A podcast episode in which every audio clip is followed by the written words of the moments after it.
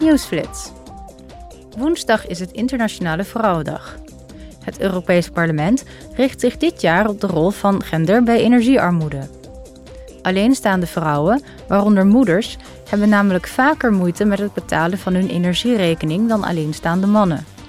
Dit komt vaak doordat vrouwen een lager gemiddeld inkomen hebben en zij vaker laagbetaalde en onzekere banen hebben of een deeltijd werken. In 2020 was de loonkloof tussen mannen en vrouwen in de EU nog steeds 13 procent.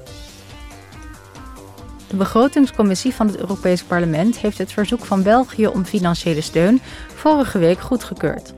Het gaat om geld dat bestemd is voor 559 voormalige werknemers van een logistiek bedrijf bij de luchthaven van Luik. De werknemers werden ontslagen na het besluit van het bedrijf om een deel van zijn activiteiten naar Parijs te verplaatsen. Zij zullen nu 1,9 miljoen euro aan EU-steun ontvangen om nieuw werk te vinden, nieuwe vaardigheden te ontwikkelen of hun eigen bedrijf te beginnen.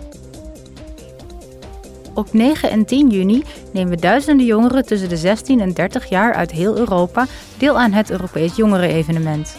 Zij zullen het Europees Parlement in Straatsburg overnemen om hun ideeën voor de toekomst van Europa te delen en te bespreken.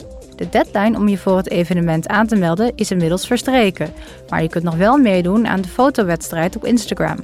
Deel een foto met de hashtag i2023contest om deel te nemen.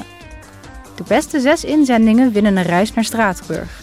Kijk voor meer informatie op de website van het Europees Parlement.